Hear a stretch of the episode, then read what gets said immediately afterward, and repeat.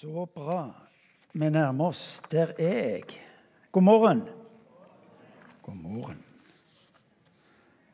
Gratulerer, Maria.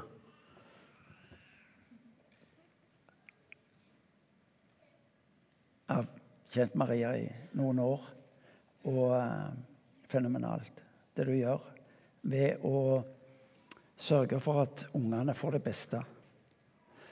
Uh, og hjelpe Alexandra fram til type valg som er utrolig vakkert.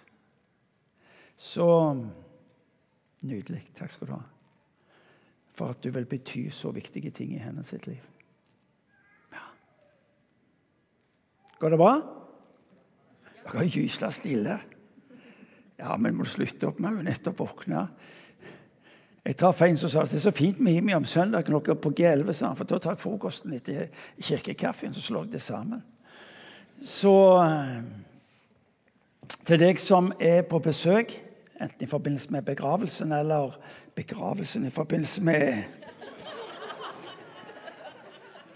Han, var, han har i hvert fall vært tidlig oppe. Nå holdt jeg på å si konfirmasjonen, så jeg har dekka, snart dekka alt. Dere som er i forbindelse med dåpen, hjertelig velkomne. Spesielt velkomne er dere. Ja. Og um, Imi kirke er jo uh, en litt sånn fargerik klatt i det kirkelige landskapet. Og syns at det er veldig ok uh, at vi får lov til å være det. Og jeg har vært faste gudstjenester søndag klokka 11 og klokka 6. Det den, for så vidt en stor forsamling med nesten 1200 medlemmer. Så, det, så de kommer på ulike tidspunkter. Og, og, og, eh, men sammen har vi et ønske om å få lov til å bety en forskjell rett og slett ved å hjelpe folk til å våge å tro at Gud er god. Og så har vi eh, sånn type rytme på året, og nå har vi vært innom, eller vi er en del av eh, det vi i kirka kaller for fastetida. Fastetida sier noe om eh, vandringen, forberedelsen mot påske. Eh, den varer 40 dager. Starter med, som vi kjenner til, askeonsdag og, og boller. Og så, og så, sluttes det første påskedag med, med Kristi oppstandelse. Og, og, denne tida av, faste, ja, av fastetida er en tid for konsentrasjon. Det er en tid hvor vi ønsker å på et vis ha fokus. Vi ønsker ikke å miste det som Jesus gjorde. Og så blir spørsmålet hva betyr det for oss i dag? Hva betyr påske for oss i dag? Eh, hva er det med på at vi skal bevege oss inn i? Neste søndag er det palmesøndag, og så er det første påskedag. Altså om 14 dager skal vi altså få lov til å feire, som vi sier. Eh, for mange så er påsken forstått som det alvorlige, smertefulle. Eh, kanskje sier noe om, om en pris som ble betalt. Og det er på den ene sida Helt sant, og det er viktig for oss å få tak i det. Og Samtidig så blir påske noe av det viktigste som berører mennesket.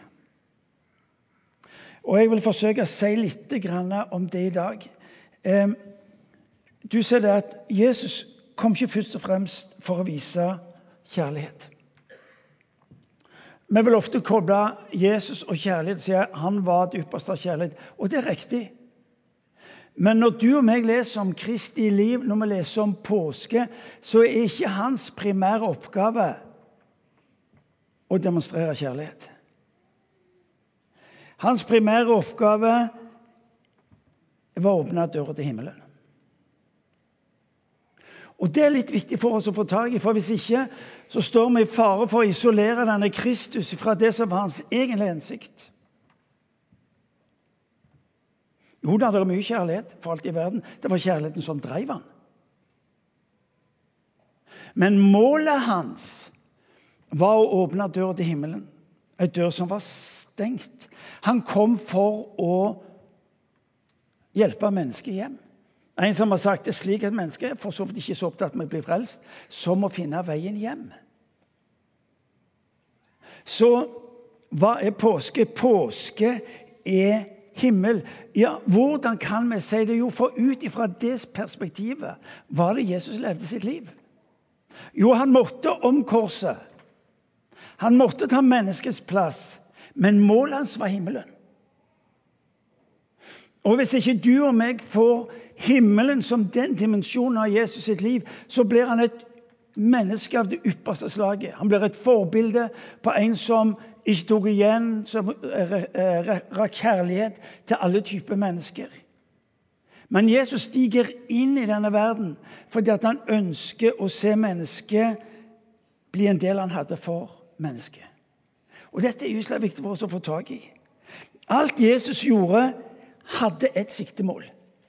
Du kan på et vis koke det ned til dette at når Jesus trer inn i denne verden, så er målet hans å skape et møte med Gud, gi dem erfaring av et rike som var annerledes, for at de skulle erfare at Gud taler om evighet som en realitet. Jesus' soning og død på korset, som er en så viktig del av den kristne troa, som jeg blir minnet på om i, i, i påsken, det har altså to perspektiv. Det ene er gjeldssanering, og det andre er ei, åpna himmeldør. Og Derfor så blir på et vis dåpen så viktig. Fordi at når Gud handler med deg og med meg, så starter han i dåp. Han starter med dåp. Han, han erklærer at jeg vil møte deg som menneske der du er, ikke hvor du burde være. Og om din situasjon, om du vil, på denne sida Du kan se på din historie og så kan du tenke det var mye som skulle vært annerledes. Så vil han si ja, jeg vet det, det var derfor jeg kom. Det er mulig du og meg har en type gjeld eller type liv eller ting vi har gjort som skulle vært annerledes. Og så blir det sånn type regnestykke. Ja vel. Mm -mm. Så vil dåpen fortelle deg og meg at han har gjort noe med de fortid. Han har gjort noe med det som skulle vært annerledes i ditt liv. Og nå henvender jeg meg til voksne. Han har gjort noe med det som hindrer deg og meg å bli en del av Guds gode plan. Fordi at Guds gode plan er for deg og meg å få lov til å møte fremtida med håp, med glede, med forventning. Derfor dåp. Dåp er noe langt mer enn bare at et barn får et navn når barnet blir døpt som barn. Få tak i dette, for det, for det er så viktig. Altså, Dåpen sier to ting. Din forhistorie har jeg tatt meg av. Og så kan du si ja, men Alexandra hadde jo ikke funnet på så gyselig mye galt da. Nei, Dilemmaet for Alexandra det er jo at Alexandra er en del av en menneskehet. Problemet for mennesket er nemlig ikke primært hva du gjør, men hvor du kommer ifra. En gang til. Menneskets problem er ikke primært hva det gjør. Synd. Det skulle vært noe annerledes. Synda som mennesker er bare en bekreftelse på hva det er, nemlig en synder. Vi må ikke blande det der. Og Det betyr at Alexandra, som en del av menneskeheten, skal få lov til å vite at Gud har gjort noe. Han har brutt dette båndet. Han har brutt denne forbindelsen. Og så får hun høre at du, du er Guds barn. Alexander. Og så får hun altså lov til å se framover så får hun lov til å tenke jeg skal slippe å være redd fremtida. Jeg skal slippe å være redd for det som måtte ligge foran meg i morgen eller dagen som kommer. Fordi Gud gjorde noe med meg i dåpen. Vi hørte sterkt at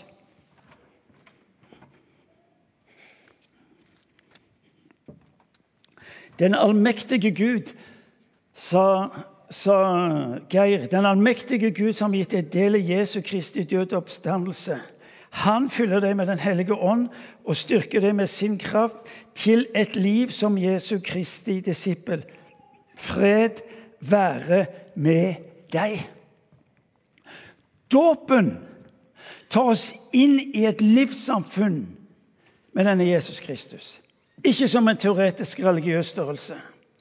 Så altså Dåp er på den ene sida å kutte forbindelsen med noe som vil ende katastrofe, men det er samtidig få del i et håp om en fremtid.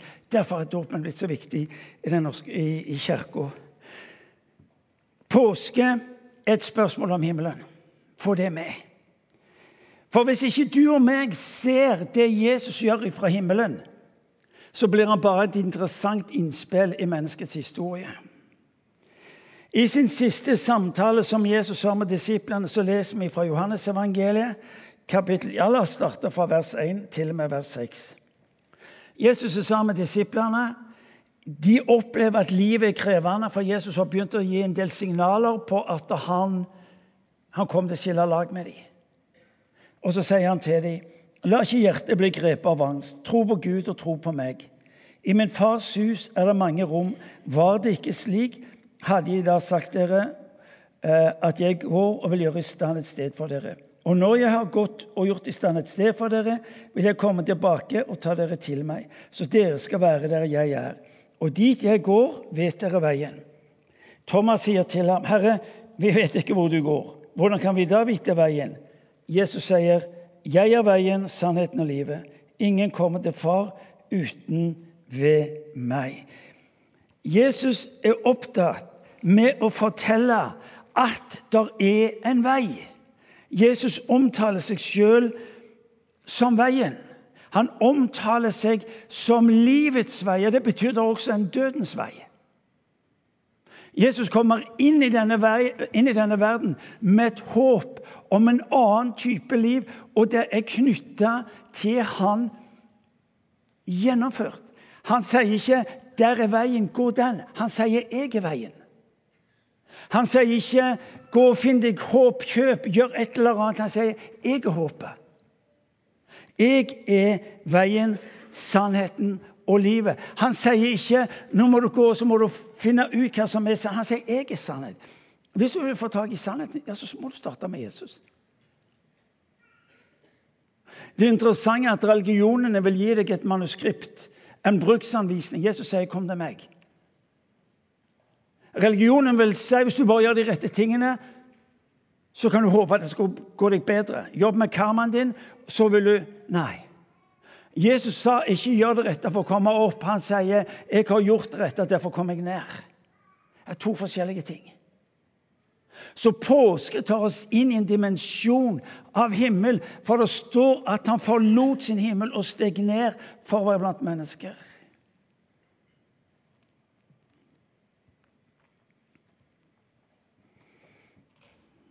Mennesket er bundet til dødsveien. Det hjalp ikke om mennesket fikk en bruksanvisning på å finne en annen vei. Mennesket kom ikke fri av konsekvensene av synd, av opprør, av oppgjør med Gud. Så drevet av kjærlighet går altså Jesus inn i menneskets sted, inn i menneskets historie, og så rydder han en ny type vei. Og så setter han mennesket fri fra dødsveien og fortapes. Når Jesus dør på korset, så det siste han sier, det er fullført eller det er fullbrakt. Og det han egentlig sier, det er veien er klar. Veien er klar.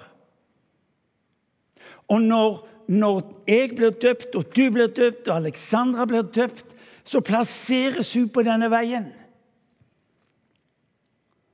Hun får lov til å være et sted hvor hun vet at selv om jeg faller, så faller jeg på veien. Selv om jeg nå skulle gjøre ting som ikke var så kloke, så får jeg lov til å være på veien. Det er ikke slik at ja, nei, nå holder du ikke mål, nå får du ta en pause eller finne Nei.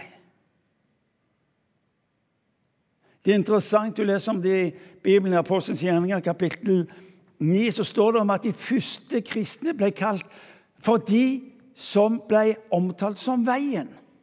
Altså menigheten ble forstått som veien. Det er jo praktfullt. Sliter du med retningen? Her er veien. Her er veien. Ja, men det var så mye skulle vært annerledes. Ja, men kom ikke an på hva som skulle vært annerledes. Her er veien. Ja, men jeg fikser Ja, men ikke for her er veien. Gud tar ikke utgangspunkt i hva du fikser eller ikke fikser. Han sier her er veien. To veier, livets vei og dødens vei. Den ene var stengt. Den er nå åpna igjen. Du og meg går på en av disse to veiene. Enten på livets vei eller dødens vei. Det er tankevekkende at den veien du og meg velger å gå på her, det er den jeg også fortsetter med den dagen jeg ikke lenger er i denne verden. Bibelen er ikke så tydelig. få tak i dette. Jesus kom til denne verden for å gi deg det mest fenomenale liv som tenkes kan. Men hvis det bare var for denne verden, så sier Bibelen at det er noe av det mest idiotiske du kan tenke. For Guds mål er ikke primært å gi deg et fantastisk liv her. Jo, det vil han òg, men primært så handler han inn i denne verden fordi at du og jeg skal få lov til å fullføre et eller annet som har med evigheten å gjøre. Da Bibelen sier at Gud har lagt evigheten ned i ditt og mitt hjerte. Livets vei, dødens vei. Fenomenalt at vi hjelper ungene våre til å forstå at Gud har åpna ei dør for meg på livets vei. Og enda en gang til Menneskets problem er ikke primært hva de gjør eller har gjort, men hvor jeg er henne med livet mitt, med livene våre. Etterfølgelsen av Jesus Kristus. Så har vi fått en diskusjon om hva som er synd, og hva som ikke er synd. Spørsmålet egentlig er fri fra dødsveien. Jeg er livsveien, sier Jesus i Johannes evangeliet, som vi leste her. Jeg er livsveien. Kom til meg.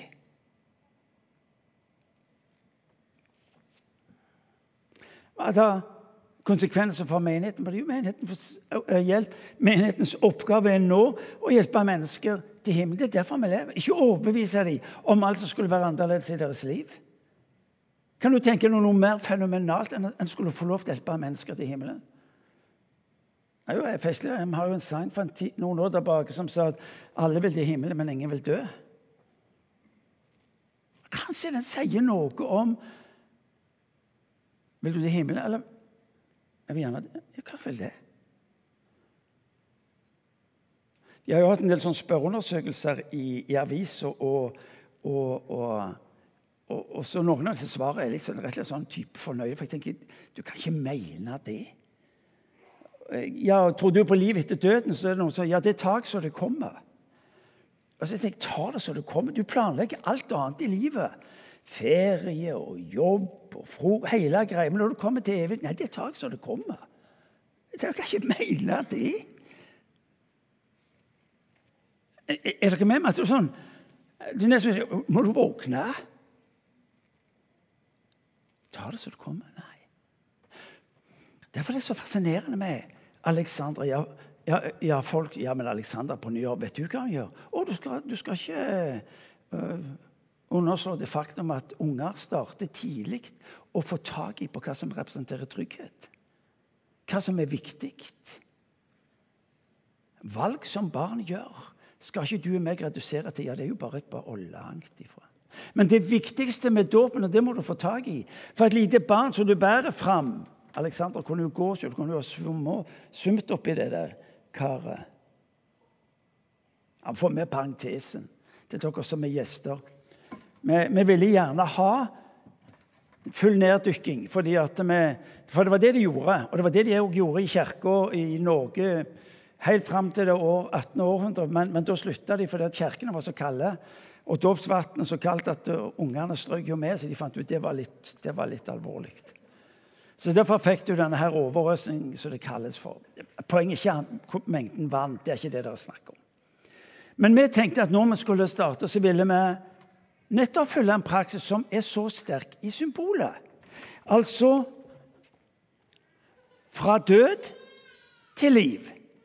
Når, når, vi ser at Alexandra går under vannet, så det er symbol for at det er noe som dør. Og så sa Eirin 'og oppreist med Kristus'. Så vi, så vi tenkte at nei, vi, vi, må, vi, må, vi må, ha en skikkelig, skikkelig dåpskar. Men du vet, er du en luthersk menighet og, og ikke vant med som pinsevenner de, har jo, de kan jo dette med dåpskar. Så jeg, hva gjør vi nå? da, sier vi, vi, ringer, vi ringer til Møre fiskefabrikk og spør om vi kan få en, kjøpe en fisketank. Og ga de målet. Ja, vi kunne få den. Og så spør han som solgte oss fisketank så, ja, du, hva skal du bruke den til. Han, altså, hva skal altså, en by som Stavanger med en fisketank? Nei, vi skal bruke den til dåpskar, sa vi. Å, hva er det, du skal få den for halv pris. Og så vil jeg ha bilde av den første ungen som går, uh, som går oppi. Men du ser det at det, Dåp har ikke så mye med å skulle forstå. Vi sier barn kan ikke forstå. Barn kan ikke ta imot det, men barn kan bli tatt imot. Ja, men Det er to forskjellige ting, det. Hva vil det si å bli en krisen? Det, blir, det betyr å bli tatt imot. det. Jeg, får, jeg fikser ikke alt det. Det er ikke farlig, det. Det kan du få med etter hvert så du våger å vandre med han. Så dåp er ikke primært hva du forstår, eller Dåp er å bli tatt imot. Det er så fascinerende med det som skjer med Aleksander. Blir tatt imot. Og så vil du nettopp i fellesskapet med Jesus og et liv i menigheten, så vil du jo vokse i kjennskap, innsikt og modenhet. Og så får hun lov til å bli en del av et liv som vi tror Gud har for henne. Er dere med meg? Ja. Jeg vet ikke om de har tilbud ennå med fisketanker til halv pris. Men,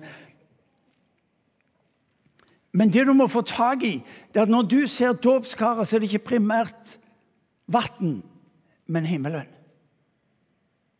Når du hører død i vår kontekst, så må du høre himmelen. For når Bibelen taler om død i vår kontekst, er det å bli satt fri for å bli en del av himmelen. Derfor er dåp en så utrolig viktig del av menigheten sitt liv. Alt det menigheten driver på med å få tak i dette, er egentlig, er egentlig dreier det seg om himmelen. OK? Vet du hva? Hvis det ikke er det, så reduseres vi til en religiøs klubb som driver på med et eller annet som folk ikke skjønner noe av. Og det kan jeg godt forstå. Himmelen. Tenk. Kirke, himmel. Litt fleipete sagt av det, så kan jo folk få det inntrykk av at uh, menigheten har gjort selve forspillet til, til selve festen. Som om bussturen til flyet som går til Syden, selve saken. Nei! Hvorfor forstår ikke folket forbi kirka det vi holder på med? Det kan godt være at de merker begeistringen vår av å sitte på flyet. Skal ta oss til Sydenflyet. Ja, glem den siste der. Første jeg sa, var Første jeg sa, var Dåp, påske har med himmel å gjøre. Det andre jeg forsøker å si noe om, det er at Guds strategi inn i denne verden det er at menigheten skal altså få lov til nettopp å være dette redskapet til å bryte denne dødslinja i mennesket sitt liv. Vi har et vanvittig privilegium til å fortelle andre mennesker vet du hva? Det som tar deg fra dødsveien og inn på livsveien, det er denne Kristus. Og vi som kirke er betrodd det ansvaret. Ikke fordi vi er bedre enn andre, ikke fordi vi er flinkere enn andre, men fordi Gud har betrodd oss. og så at dere, dere må springe videre og fortelle andre om dette. her. Derfor er IMI eksisterende i dag. Å hjelpe mennesker fri fra nettopp dødsveien til livsveien, knytta til denne Kristus. Himmelen ja, Hvordan er det, Martin? Jeg vet ikke. Men det jeg får tak i, er at når Bibelen bruker bilder på hva det ikke er, så skjønner jeg at det er Det er stort. Ingen som griner der. Tenk det. Det er ingen som kjenner på sorg der. Ingen angst. Ingen ensomhet. Det må være et utrolig sted. Og på mange måter så opplever jeg at det rommer noe av det vi som mennesker lengter etter. Kanskje enda mer når vi nå nærmer oss påsken og skal bli minnet om at den plassen, den plassen, den er betalt med en høy pris. Når Jesus Kristus dør på et kors, så dør han for at, de, at du og meg skal vite at livet slutter ikke her. Men du skal tas videre til det jeg har for deg. Og så sier han noe om rom jeg skal forberede et rom. Hva det betyr, vet jeg ikke. Men det har noe med himmel å gjøre. Men det han sier Og når jeg er ferdig, skal jeg komme og skal jeg, skal jeg ta dere med meg. Det løftet, Det løftet. Og det bærer gjennom døden, og det bærer inn i himmelen. Jeg skal begynne å slutte. Du og meg som er Jesus' etterfølgere, du vi kan altså få lov til å bryte den retningen mennesker har. Rett og slett dele ditt eget liv om hva du tror Gud har for deg. Denne verden er ikke opptatt med din og min prektighet. Lever de oss nær nok, så oppdager de at den er ikke særlig prektig. Folk sier til meg ja, men du er jo nesten profesjonell kristen. Du sier folk til meg ja, bare spør kona mi, sier jeg. Hun er hvem jeg går ikke på prektighet. Det går på at du har våget å omfavne det Gud gir deg, og bli en del av det Han rekker deg i dåpen.